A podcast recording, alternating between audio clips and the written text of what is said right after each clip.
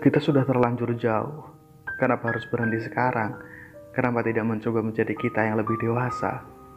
Bosan bukan berarti harus berpisah kan? Mungkin kita hanya butuh kembali ke awal, saling mengenal lagi, saling mencintai lagi. Aku sudah mencari di setiap kunci jawaban, di setiap kisi-kisi teka-teki silang, tentang pertanyaan kenapa kita bisa sediam ini sekarang. Kita duduk di satu meja yang sama, namun mata kita tak saling memandang lagi.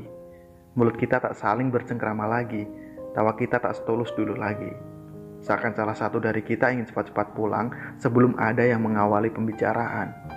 Lalu kembali mengulangi kesalahan yang sama. Jatuh cinta. Betapa kejamnya waktu sehingga kita menjadi seperti ini.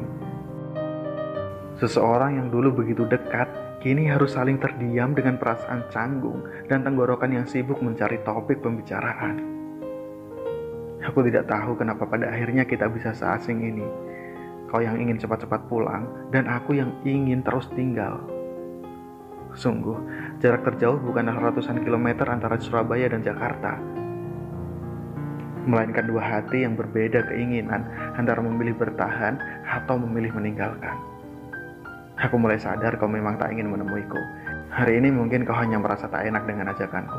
Aku mengerti. Tak perlu kau jelaskan pun aku sudah tahu bahwa sedikit demi sedikit kau mulai mendorongku untuk menjauh pelan-pelan. Aku sudah terbiasa ditinggal pergi begitu saja bahkan oleh orang-orang yang aku sayang. Namun untuk kali ini, aku sedikit terkejut ketika aku harus melepaskanmu. Seseorang yang dulu tak pernah sedikit pun kusangka akan kehilangannya sepat yang aku kira.